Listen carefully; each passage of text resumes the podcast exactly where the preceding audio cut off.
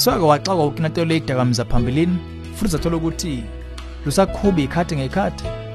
Ukutakuleyo kinateleni lwe-addiction kakusiyo into umuntu angayenza yedwa. Kuseqhulunike ukuba nabantu ongabathemba abakukakile ohambeni lwakho lokulapheka.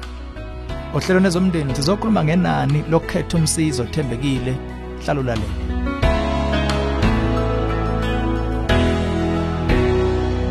Angiphinde kubingelele ezomndeni uhlelo lethu lizeluleke iphatheka ngabaka focus on the family.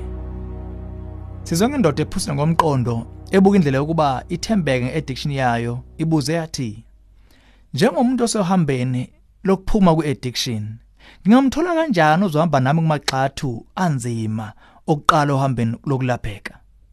Ninazi iluleke ekukhetheni umsizo othembekile nokuthi obudlelwane bubukeka kanjani? Ngothokoza kakhulu kuningakuphakamisa ngalesimo Okokuqala kumele wazi ukuthi usendleleni enhle futhi wenze into enhle Uyazi ukuthi udinga umuntu ongathembela kuye ukukubamba ngesandla lokho isiqale sihle leso. Phambi kokukhetha umsizi kumqondo omuhle ukubonga okuseduze izimo zakho bese unqoma ngqo ukuthi luhlobone impela oludingayo kuleli zinga lokuqala. Ukuncika lakho ohambeni lokulapheka kungakuhle kakhulu uqala ufuna usizo longoti kumbe longoti ongumeluleki.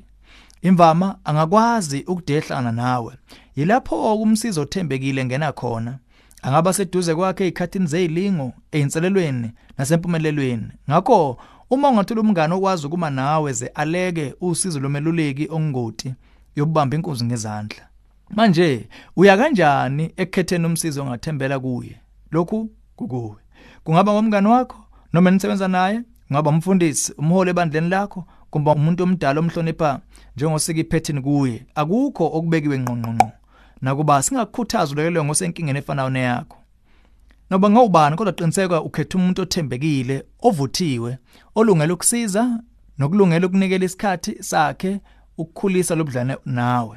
Qaphela asikhuthazo wakwakho abekuleli qhaza kwazise isimo lesizimanyana kuvama kube kuhle ukufaka umuntu ongabuka ngese lehlukile kunelikankosikazi kumbe lomkhwana kulesi simo Ngesikhathi somtholelo zokubamba ngesandla kusemqoka umtshela ngqo ukuthi sewukuphi neaddiction yakho. Mdwebela isithombe siyiso esicacile sesimo nezimo zakho. Khumbuza konke okuyimpande nokukhathazayo. Cacisa impokophelo nombono wekusasa onawo. Bese ubeka kuye ngokucacile iqhaza ofuna libambe kulolu hambo. Uma ungakwenzi lokhu, kana kukusiza ngendlela ecacile nelusizo. Ingxoxo yokuqala kanjani iyoba ngenzima nokho isemqoka abanye abantu bengekusize kuze kube uyabethemba ngokwenele ngobuthaka bakho uma lolu hlelo luzosebenza kumele nihlangane njalo njalo maduzane futhi ubuso nobuso kuyancomeka kuyibophezela esikhathini thizeni ngaleyo ndlela uyokwazi ukuba kumelwe umbekele ngokuqhubeka kwakho nokusakhhlula njalo njalo ngesonto. Futhi khumbula ukuthi engxenye yokubonana ubuso nobuso isemqongo banixoxa ngqo. Futhi ikuphoqa uthembeke uvuleleke uma qhathaniswe ngocingo. Cela ke lo msizo mbele umlingani wakho athembeke ngokombono wakhe oguquka naselibonile kuwe nokusaxaka vuma ukumukela ugxeko lwakhe nokhuthazo ngokungananazi konke lokhu kuyobalula uma nithembene naye engumuntu okuthandayo nokuhloniphayo nowaziyo usenkingeni futhi ezimisele ukukusiza ngeqiniso.